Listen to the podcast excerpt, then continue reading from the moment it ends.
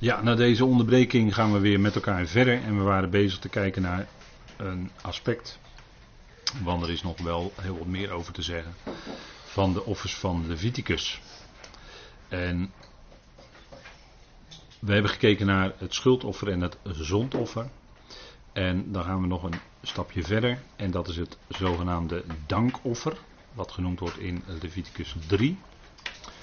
En daarvan zou je kunnen zeggen dat is eigenlijk een heenwijzing naar het punt van de opstanding van Christus. Het beeld van de opstanding van Christus. De dankbaarheid. Dat is als iemand die tot geloof gekomen is, zich bewust is, ik ben een kind van God. En Christus is voor mij ook opgestaan. Hij is niet alleen voor mij gestorven aan het kruis, maar hij is ook opgestaan uit de dood. Zoals Paulus dat zegt, hè, hij werd opgewekt op de derde dag naar de schriften, 1 Korinthe 15 hij is niet alleen gestorven voor onze zonden, zegt Paulus daar, maar ook begraven. En hij is ook opgewekt op de derde dag naar de schriften. Dat was in overeenstemming met de schriften. En dat is in nutshell het evangelie. Hè? Nou, het dankoffer, dat is wat een Israëliet kon brengen als dank. Dat is een beeld van de opstanding van Christus. En dat is als je de Heer dankt, heel bewust ook voor het feit dat je met hem bent opgewekt en je bent, je bent je bewust, je bent een kind van God. En dan sta je hè, op het moment dat je echt bewust tot geloof bent gekomen, om het zo maar te zeggen.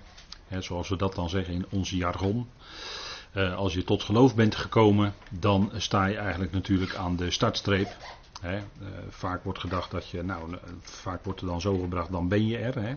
Dan, dan heb je een hele stap. Dan heb je heel wat doorstaan en dan is er heel wat met je gebeurd. En daarvan zijn gelovigen dan geneigd, dat is een beetje het eindstation. Ik ben tot geloof gekomen, dat is het eindstation. Ik ben voor eeuwig behouden en zoals men dat dan allemaal zegt. Hè. Maar eigenlijk is dat het beginpunt. Hè? Want eigenlijk zou je moeten afvragen, nou nu weet ik mij gered. En wat nu? En dan komt het leven als gelovige. En dan begint het pas, zou je kunnen zeggen. Dat is de startstreep. Om nog even in het beeld van een sportwedstrijd te blijven. Hè. Dan sta je aan de startstreep, niet aan de finish. Maar dan heb je nog een hele loop, loopbaan, om het zo maar te zeggen, te gaan. En dan uh, om uiteindelijk aan de finish te kunnen komen. Maar dat is een beeld van de opstanding van Christus. Dus uit dankbaarheid een offer brengen. En natuurlijk konden Israëlieten op allerlei, van allerlei dieren offer brengen naar vermogen. En um, eigenlijk is het ook zo dat het ene offer zit eigenlijk vervat in het andere offer. Want als de offeraar, als ik nog heel even terug ga naar de schuld- en zondoffer. Als een offeraar niet voldoende bezit had om een offer voor het schuldoffer zich te kunnen veroorloven. Dan kon hij met mindere middelen ook direct een zondoffer brengen. Maar dat staat in Leviticus 5 en 6, moet u maar eens nalezen. Maar het dankoffer heeft als aspect dat die dankbaarheid daar is. En het mooie is dat die offers eigenlijk ook allemaal werden gebracht. Hè, want het woord brengen, dat betekent eigenlijk in het Hebreeuws naderen. Hè, dat, eh, dat zien we met name bij het brandoffer. Daar wordt het begrip korban gebruikt. En korban, dat is het Hebreeuwse woord voor een nadering, eigenlijk een naderingsgave. En de gedachte is natuurlijk een naderingsgave brengen. Maar het woord brengen is in het Hebreeuws, en dat staat er soms dan dicht bij elkaar. Dat woord brengen is ook naderen. dat is het Hebreeuwse woord keref. Dat, dat is hetzelfde als korban eigenlijk. Alleen dan is dat het werkwoord. Dus dan ga je naderen als offeraar naar de tempel of naar de tabernakel, naar de priester. En dan kon je je offer kon je brengen. En dat werd dan gebracht voor jou. En dan was daar vergeving. Maar hier gaat het dan om de dankbaarheid. Hè?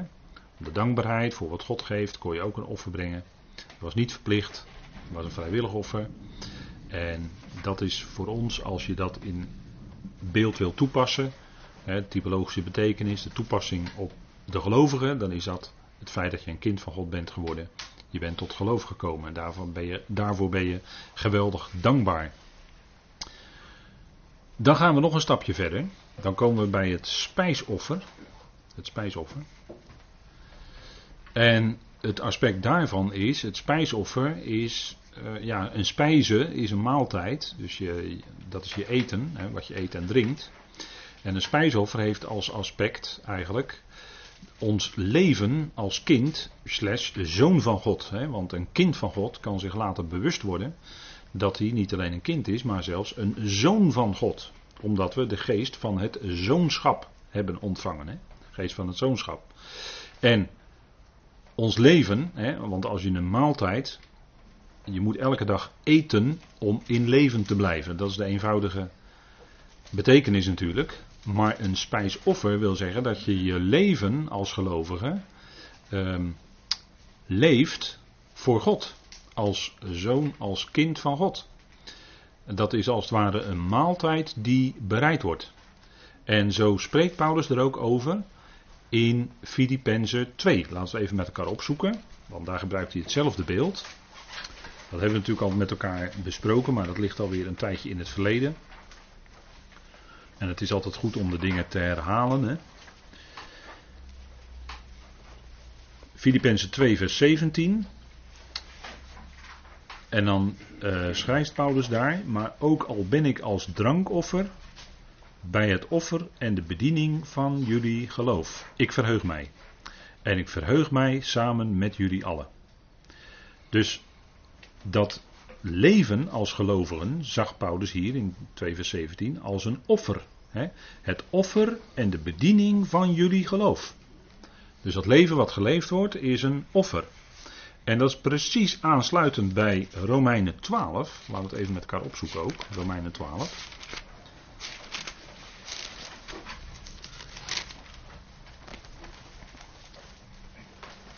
want Paulus uh, gebruikt dat woord offer tenslotte in Filippenzen 4, vers 18. Dat is ons uitgangspunt. En daar, dat verdiep ik nu even met u vanavond. Om de achtergrond uh, van de offeranden weer te geven. En ook te laten zien dat Paulus dat woord vaker gebruikt. Romeinen 12. En daar zegt Paulus, en ik lees uit de herziene statenvertaling. Ik roep u er dan toe op, broeders vers 1, Romeinen 12, vers 1, sorry.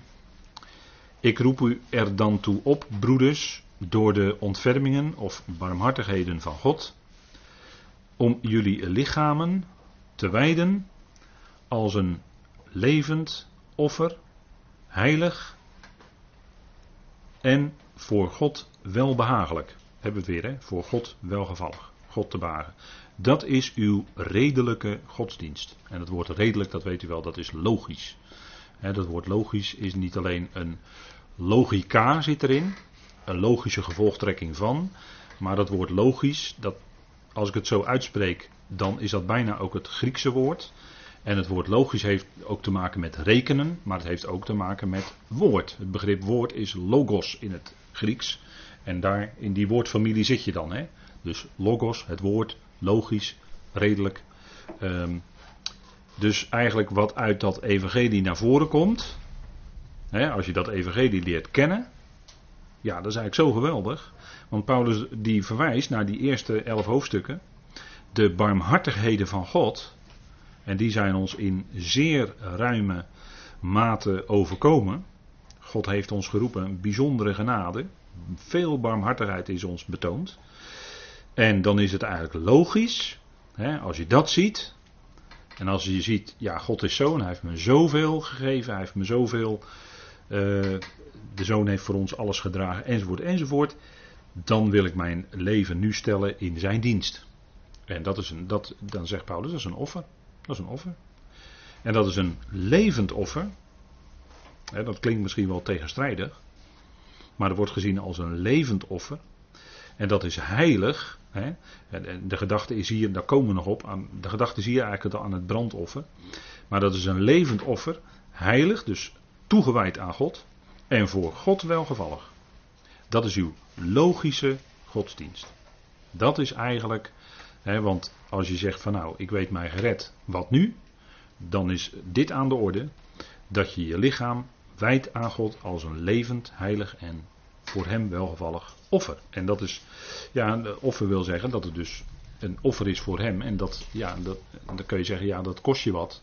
Uh, ja, maar het heeft de Heer alles gekost. En dan is het eigenlijk niet meer dan logisch dat je zegt van ja, Heer, mijn leven is voor, mijn leven is voor u. Uh, gebruikt u mij maar in uw dienst en gebruikt u mij zoals u het goed acht. dat je hele leven eigenlijk stelt in, in, uh, tot, zijn, tot Gods beschikking. dan, wij, wij hebben het natuurlijk vaak over vrije tijd. Maar eh, ja, ik, ik, weet niet of er dan nog sprake is van vrije tijd in zoals wij dat bedoelen. maar onze tijd is dan ook in Gods hand. Dus de tijd die we hebben, nou, dat is ook die is dan ook voor God. En dat, ja, dat, dat kan ook een offer zijn inderdaad. Dat je dat ziet als ja, dat, dat kost je ook wat. Een heilig, dus toegewijd, een offer wat helemaal voor de Heer is.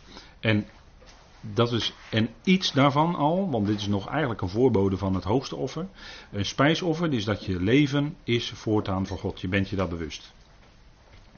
En uh, het punt is dat dat spijsoffer, want Paulus die uh, geeft in Filippenzen 2 vers 17 aan dat hij een drankoffer is. En dat is natuurlijk ook een vorm van spijsoffer. Hè, want het is eten en drinken.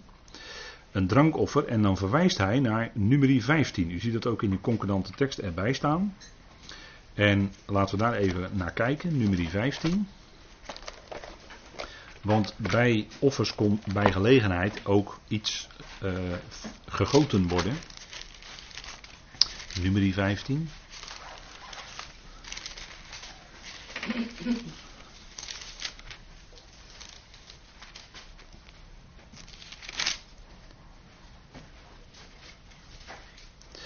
En laten we dan even lezen vanaf vers 1, nummer 15, vers 1. De Heere sprak tot Mozes, spreek tot de Israëlieten en zegt tegen hen, wanneer u komt in het land dat ik u als uw woongebied geef, en u een vuuroffer voor de Heer bereidt, een brandoffer of slachtoffer, als inlossing van een gelofte of een vrijwillige gave, of om op uw feestdagen de Heer een aangename geur te bereiden, van de runderen of van het kleinvee, dan zal hij die zijn offergave aan de Heer aanbiedt, een graanoffer, daar heb je hem, spijsoffer, eh, van een tiende eva meelbloem gemengd met een kwart hin olie aanbieden. En wijn als plengoffer. Een kwart hin per lam moet u bij het brandoffer of het slachtoffer doen. En daar verwees Paulus naar in Filippenzen 2 vers 17. Ook al ben ik als drankoffer bij het offer van en de bediening van jullie geloof. Dus daar zien we dat Paulus eigenlijk verwijst hier naar die wijn die als plengoffer gebracht kon worden bij al die offeranden. Die net dan in nummer 15, het eerste verse genoemd zijn. Daar kon je dus ook wijn bij uitgieten. En zo zag Paulus zichzelf als een plengoffer. En wijn spreekt natuurlijk van de vrucht van de wijnstok. En wijn spreekt in de schrift van vreugde. wij, eh, de, de wijn is eigenlijk een type van het werk van de geest. Wijn is in zekere zin een type van de vreugde van de, die de geest geeft. want we zouden niet uh, aan wijn ons bedrinken, zegt Paulus, maar we zouden vervuld zijn met de geest. Efeze 5, hele bekende woorden. Uh, vervuld met de geest. En dan uh, zingen wij in ons hart met, ja, in psalmen, psalmen, lofzangen en geestelijke liederen. Ik ga daar niet dieper op in verder. Maar dat is iets, het, het bewerkt, hè, dat werk van de geest in je, die werking van de geest in je, met dat woord dat je blij bent, met de genade, dat bewerkt in je dat je van binnen zingt. En dat komt er bij gelegenheid ook wel uit. En dan ga je als het ware met die vreugde, ga je uh, toch uh, elke dag, uh, heb je dat lied in je hart. En dat is het wonderlijke, het werk van de geest, dat hij toch vreugde geeft. Ook al zijn de omstandigheden er niet naar. En toch heb je die vreugde van binnen, die diepe vreugde. En zo had Paulus dat ook bij die bediening van die Filippenzen, Filippenzen 2 vers 17. Ik verheug mij en verheug mij samen met jullie allen. Dat is natuurlijk, daarvoor gebruikt u natuurlijk dat beeld van het drankoffer. Dat er dus wijn bij een offer als plengoffer gebracht kon worden. En dat is natuurlijk ook een vorm van spijsoffer. En als we even uh, kijken naar dat spijsoffer, daar zitten natuurlijk bepaalde ingrediënten in. En uh, daarin zat bijvoorbeeld olie. Olie, een spijsoffer kon gemaakt. Leest u het maar na Leviticus 2. En als u nou vannacht niet kan slapen, dan gaat u Leviticus 2 lezen. Ik denk een goede tip. Olie uh, kwam erbij. En dat is dan een beeld van de geest natuurlijk. Olie, u weet het, een beeld van de geest in de Bijbel. En ook een beeld van datgene wat licht verschaft. Hè. Olijfolie was datgene wat licht verschaft in de tempel en tabernakel door de kandelaar. Olijfolie. Maar olijfolie kan je natuurlijk ook gebruiken in de keuken. En het is een beeld van de geest. Olijfolie, de olijfboom, spreekt van de geest en ook van het licht. En ehm, ja, dat is uh, bijzonder denk ik, dat dat er ook bij zit. Het werk van de geest in de gelovigen. En wierook, wat u er dan ook allemaal aan associaties bij hebt, die heb ik er ook bij. Maar wierook, even heel sec, wierook, even los van alle associaties. Wierook is eigenlijk een type van, uh, want er was ook in, in, het, uh, in, in de tempel en tabernakel was ook een gouden reukofferaltaar. En wierook spreekt dan eigenlijk van aanbidding. Dus het leven van de gelovigen zou zich kenmerken door dat die geest in die gelovigen werkt en die vreugde verschaft. En die gerichtheid op God. En daarin ook de aanbidding. En um, zo'n spijsoffer zou ook ongezuurd zijn, hè? zonder zuurdesem. Want een zuurdesem is in de Bijbel een beeld van de zonde uh, van afwijkende leringen. Dus van uh, zeg maar een stukje onwaarheid. En daarom zei de Heer Jezus ook in Johannes 4 dat degene die hem aanbidden, dat is de wierook, zouden dat doen in geest, dat is die olie, en in waarheid. Dat wil zeggen ongezuurd. Dat wil zeggen, in dat leven van de gelovigen, daar wijkt de zonde. En ik begon vanavond, eh, de eerste deel van de avond, had ik het over de reiniging van het woord. Reiniging in ons leven. De reinigende werking van dat woord. Dat wil zeggen dat uh, dan de zonde, en dan krijg je een, een gereinigde levenswandel, die zich niet langer kenmerkt door, hoofdzakelijk door zonde. Ik, zou, ik zeg niet zondeloosheid, absoluut niet. Maar wel dat ze niet meer kenmerkt door zondigen. Maar dat het zich kenmerkt door een toewijding aan God. Dat is een hele verandering. Dat zag je ook bij Paulus. En daarvan en die, die ingrediënten dus van ons leven, wat dus naar voren komt in dat spijsoffer, zijn dus olie en wierook. Aanbidding en die krachtige werking van Gods geest in ons. En dat doet hij door het woord. De werking van de geest in de geloven kan je nooit loszien van het woord. Dat is de, de kracht van het woord van God. Is zo dat het in, in jou iets bewerkt. En dat, dat die uitwerking in je, dat is door de geest van God. Maar dat is altijd met elkaar samen. Geest en woord gaan met elkaar samen. Die kun je niet van elkaar loskoppelen. Dus je kunt niet op een podium gaan staan en zeggen van je moet nu naar voren komen en dan leg ik jou de hand op en dan word je in de Heilige Geest gedoopt. Dat is natuurlijk helemaal niet aan de orde.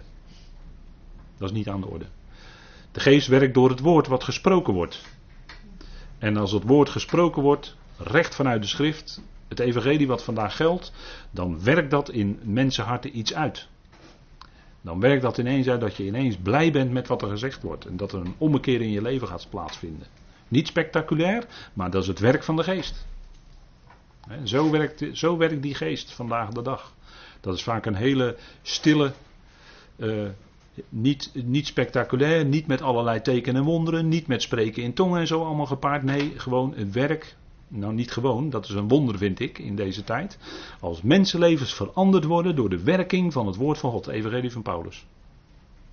Dat is een groot wonder, als dat gebeurt. dat mensen op basis daarvan hun leven toewijden aan God. En dan misschien nog, uh, nog een grotere vorm van lijden hen overkomt als voordat ze geloofden.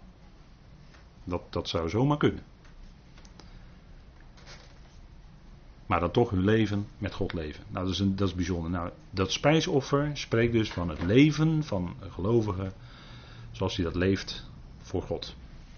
En dan komen we bij het hoogste, dat is het brandoffer. Dat is het brandoffer. En u weet dat het woord brandoffer wordt ook in de geschiedenis van ehm, de binding van Isaac, zoals de Joden dat noemen. In het Jodendom is de binding van Isaac is een bepaald thema, een sterk thema. Maar uh, Abraham moest zijn zoon Isaac op het altaar, op het hout binden en eigenlijk doden. Dat gebeurde niet, maar bij wijze van spreken heeft hij hem wel uit de dood teruggekregen. Hij was wel opstanding van de doden. Maar dat hij moest Isaac gaan brengen als een brandoffer. Genesis 22 spreekt nadrukkelijk het woord brandoffer. Maar dat woord brandoffer wil eigenlijk, zegt eigenlijk vanuit het Hebreeuws dat het een opstijging was. Een opstijg. Een opstijging is het heel letterlijk. Het Hebreeuwse woord ala is dat.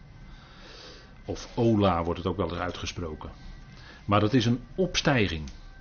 En wat was nou het punt bij dat brandoffer, zoals we dat lezen in Leviticus 1, want we zijn inmiddels in Leviticus 1, dus we lopen eigenlijk terug in de schrift, maar het is in die zin een opklimmende reeks, omdat God vaak begint in de schrift te spreken over het hart waar het werkelijk om gaat. Leest u ook maar de beschrijving van de tabernakel. Die wordt helemaal beschreven, al die instrumenten, van binnenuit naar buiten toe. Dus het begint bij het belangrijkste, en dan verder naar buiten toe. En dat gebeurt ook bij die offers. Leviticus 1, het begint bij het belangrijkste, het hoogste offer. Waar in feite alle offers die volgen in zitten. Dat zit er allemaal in besloten eigenlijk. En dat spreekt eigenlijk van het hoogste, het brandoffer. En dat spreekt van een leven wat volledig voor de volle 100% overgegeven is aan God. En wat helemaal opbrandt voor God. En daar spreekt de Heer Jezus ook van, toen de Heer Jezus op aarde was. Toen hij de, eh, de, de, de wisselaars enzovoort allemaal van het tempelplein joeg. En toen zei hij erbij ook: De ijver voor uw huis heeft mij verteerd. En daarin zit eigenlijk het brandoffer. Dat wordt eigenlijk een term, dat verteren is eigenlijk dat brandoffer. Hè? Dus hij leefde zijn leven helemaal voor God. Helemaal. En dat is eigenlijk het hoogste. Volkomen toegewijd leven van de gelovigen aan God. Helemaal opbranden voor hem. Dat is eigenlijk het brandoffer. En dat, dat is dus eigenlijk het hoogste. Hè? Dat je, en dat is voor God, hè, als zo'n leven zo geleefd wordt, dan is dat tegelijkertijd voor God een aangename geur. Want daar heeft Paulus het over in Filippenzen 4. Hè?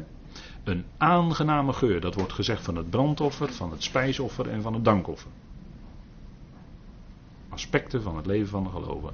En natuurlijk zit daar een hogere toepassing in op de Heer zelf. Maar we praten nu even over de gelovigen, u en ik. En het zal echt in volkomenheid zijn voor ons allemaal. Als we bij de Heer zijn na onze hemelvaart. Die al, wat mij betreft, is dat heel dichtbij. Wat mij betreft is heel dichtbij. Het is geen kwestie meer van 20 jaar, dat geloof ik zeker niet. Geloof ik niet. En ook misschien ook wel niet van 10 jaar meer. Maar dat is mijn, mijn idee hoor. Dat is mijn idee. Ik heb dat vers. Eh, ik uh, heb geen rekensommetje of wat dan ook voor u. Daar doe ik niet aan. Maar als u mij vraagt, maximaal 10 jaar. Dus dat is heel dichtbij, onze hemelvaart. En als het moment dat dat geweest is, krijgen we de Bema. En als dat geweest is, gaan we in onze bediening. En dan, gaan we, dan zijn we helemaal vervuld met zijn geest. En dan zijn we te midden van de hemeling. En dan zijn we helemaal voor 100% in dienst van hem. Dan bepaalt hij alles. En eigenlijk eh, nu al, in het lichaam van Christus. Maar goed, daar zit altijd nog de mens. En dat, ja, dat is nog niet altijd een brandoffer, een gelovige. Dat is vaak nog een spijsoffer. maar een stapje verder is het brandoffer. En zo zou het eigenlijk zijn. Maar goed, dat is uh, ook een proces wat God in ons leven uitwerkt. Dat is een proces. En het is ook soms een ontwikkeling in het leven van de gelovige. Dat je hoe langer hoe meer je leven toewijdt aan God. Dat God dat uitwerkt in je. En als het voor de volle 100% is, dan heb je het aspect van het brandoffer. Dan is jouw leven helemaal een opstijging voor Hem. Het stijgt helemaal op voor Hem. Het is helemaal aan Hem gewijd. En dat is het voorbeeld van onze Heer. En daarvan zie je ook bij Paulus, zie je dat terug. Hè? Paulus leven helemaal in dienst van God. Ja, dat, eh, dat, dat is wat God bij hem uitwerkt. Hè? Onze bekwaamheid is Gods werk, zegt Paulus. Onze bekwaamheid is niet uit onszelf, maar onze bekwaamheid is Gods werk. En de Heer, Jezus Christus, Christus Jezus, die leeft nu ook helemaal voor God. Ook nu. Vanaf het moment dat hij zelf ten hemel was gevaren, vanaf dat moment leefde hij totaal, ging dat totaal verder zijn leven voor God. En daarin werkt hij de roeping van de gemeente uit. Nou goed, even dat was even een uitstapje. Ik heb het op deze dia nog even samengevat voor u. Dus het schuldoffer, onze zonden zijn weggedaan. Het zondoffer, de zonde en de zondaar is in feite weggedaan. Het dankoffer, kind van God worden, tot geloof gekomen. Het spijsoffer, het leven van ons nu op aarde. En brandoffer, dat is het hoogste, volkomen toegewijd. Nu en straks boven te midden van de hemelsen. dat is de een toepassing van deze offers. Dus ik denk misschien is een onderwerp om uh, wat meer aandacht, uh, wat dieper te bespreken in de toekomst ooit. Wie weet dat we daar nog eens aan toe komen. Iedere behoefte, en daar wil ik dan vanavond mee afsluiten, vers 19. Mijn God nu zal iedere behoefte van jullie vervullen, zegt hij. Hè? Mijn God zal iedere behoefte van jullie vervullen. Daar heb ik al even iets over gezegd in het eerste deel. Uh, al wat ontbreekt, dat vult hij. Maar hij vult, hij geeft ons dat wat hij acht dat wij nodig hebben. Wat hij vindt wat wij nodig hebben, wat ons ontbreekt, dat geeft hij. het is geen, uh, God is natuurlijk geen Sinterklaas. Van uh, wij vragen hem iets en een cadeautje en dat geeft hij ook.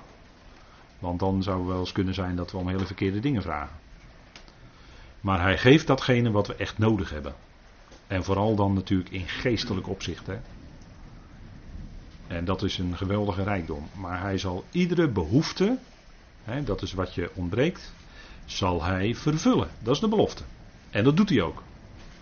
Wat je nodig hebt, geeft hij, maar precies op het juiste moment. Wat jij nodig hebt volgende week, geeft hij deze week niet. Maar geeft hij volgende week omdat je dan nodig hebt. God weet dat natuurlijk. Veel beter dan dat wij dat weten. En wat we over twee weken nodig hebben, goed, dat zal hij dan geven. Dat geeft hij nu nog niet. Dat houdt hij nu nog terug. Maar straks gaat hij dat geven. Op het juiste moment dat je het nodig hebt. Als je misschien ineens een diep verdriet overvalt. Of ineens, vult u maar in wat, wat je allemaal kan overkomen. En dan heb je bijzondere genade nodig van de Heer. En dan zal hij het ook geven. Om, eh, om daaronder te kunnen blijven staan. Want hij zal met de beproeving. Van de week ging het iets in een dagstukje erover. Hij zal met de beproeving, maar die beproeving geeft hij ook, hè, geeft God ook. Dat, dat is de strekking ook van 1 Corinthe 10. Met die beproeving, hij geeft ook die beproeving, zal hij ook die uitkomst geven, zodat je tegen bestand bent. Hij neemt die beproeving niet weg, nee, juist niet. Je moet juist door die beproeving gaan, opdat hij daarin laat zien wat zijn kracht is en zijn genade. En dan geeft hij ook vreugde, want dan geeft, geeft hij precies datgene wat nodig is voor jou. En, en de, dat is ook een functie van lijden en verdrukkingen in ons leven. Dat we leren af te zien van onszelf en leren op te zien naar Vader. Omdat Vader het doet en het uitwerkt in ons leven. Dat is het, hè? Dat is het. En als je misschien niet meer weet wat je moet bidden, Misschien kun je dan gaan danken dat God geeft toch naar vermogen wat jij nodig hebt. Ga vader dan daarvoor danken. En zijn rijkdom is overvloedig hoor, want het vers is nog niet af. Mijn God nu zal iedere behoefte van jullie vervullen. En dan staat er in overeenstemming met zijn rijkdom. En zijn rijkdom is onmetelijk. En het gaat natuurlijk om geestelijke rijkdom, uiteraard. Hè?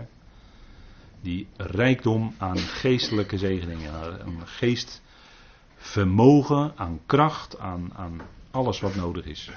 Zijn rijkdom in heerlijkheid staat er ook. Hè? In heerlijkheid. En dat is natuurlijk licht, hè? vandaar deze foto erbij. Heerlijkheid heeft alles te maken met uitstraling van licht. Saulus ontmoette de verheerlijkte Heer en hij was drie dagen blind. Waarvan? Van het overstijgende licht, wat feller was dan de middagzon, daar was hij die, drie dagen blind van. Hij kon die heerlijkheid niet aan. En dat is ook vaak voor mensen zo, gelovige mensen. Als ze het evangelie van de apostel Paulus leren kennen, dan heeft dat soms een verblindende werking. Want zoveel heerlijkheid kunnen ze op dat moment niet bevatten. Het is te veel. Is dat echt zo? Staat dat ook in de Bijbel? Nou, dat kan ik niet geloven. Zo reageren mensen soms wel eens. Hè? Als je het ze laat zien. Nou, het staat er echt. Nee, dat kan, zo kan het niet zijn. Nee, dat kan niet. Dat is verblind zijn door te veel heerlijkheid. Dat kan ook nog. Maar de heerlijkheid die God heeft, en dat is rijkdom, dat is zo onvoorstelbaar groot. Ja, als we dat gaan zien, als we dan straks verheerlijk zullen zijn, dan zal het ver al onze verwachtingen overtreffen. En dat is voor ons al bij de bazuin. Wat een geweldige toekomst hebben wij. Wat een geweldige toekomst. Daar leven we naartoe. En dat geeft je, als je dat beseft, geef je toch steeds weer die kracht om door te kunnen gaan. Die heerlijkheid van zijn genade en zijn rijkdom. En hij vult, hè, hij vervult je. Hij vervult je hart met vreugde en blijdschap. Misschien wel ondanks de omstandigheden. Naast de tranen, toch vreugde. En dat is het wat God geeft. Hè? Een vrucht, een heerlijkheid. Ja, die is zo groot, dat kunnen we nu nog niet bevatten. En daartoe zal Hij ons vernederde lichaam veranderen, zodat het gelijkvormig zal zijn aan zijn heerlijkheidslichaam. Het, het zal net zo'n uitstraling hebben als van de Heer zelf. En dan kunnen we die heerlijkheid ook dragen. Want in, dat, in ons huidige lichaam, dat, die kan dat niet aan. En, ons, en, en dat is ook, als je het evangelie net leert kennen, dan is het zoveel licht en is het zoveel heerlijkheid, dat kun je niet aan. Nee, daar heb je tijd voor nodig om dat te leren kennen en om dat te gaan verstaan. Daar gaan jaren overheen, dat kun je niet in een week. Er gaan jaren overheen. Dat het steeds dieper tot je doordringt, dat evangelie. En dan kom je tot erkenning, diepere erkenning van God. God die liefde is en die zijn plan ook in jouw persoonlijk leven dag aan dag uitwerkt. Vader, het gaat niet buiten u om. Het is uw plan voor mijn leven en u bent liefde. Het kan mij niet scheiden van uw liefde. dat, dat, is, dat is wat in ons hart zou branden. Dat het ons niet, wat er ook gebeurt, dat het ons niet kan scheiden van zijn liefde. Dat is geweldig, hè? Goed, tot zover voor vanavond.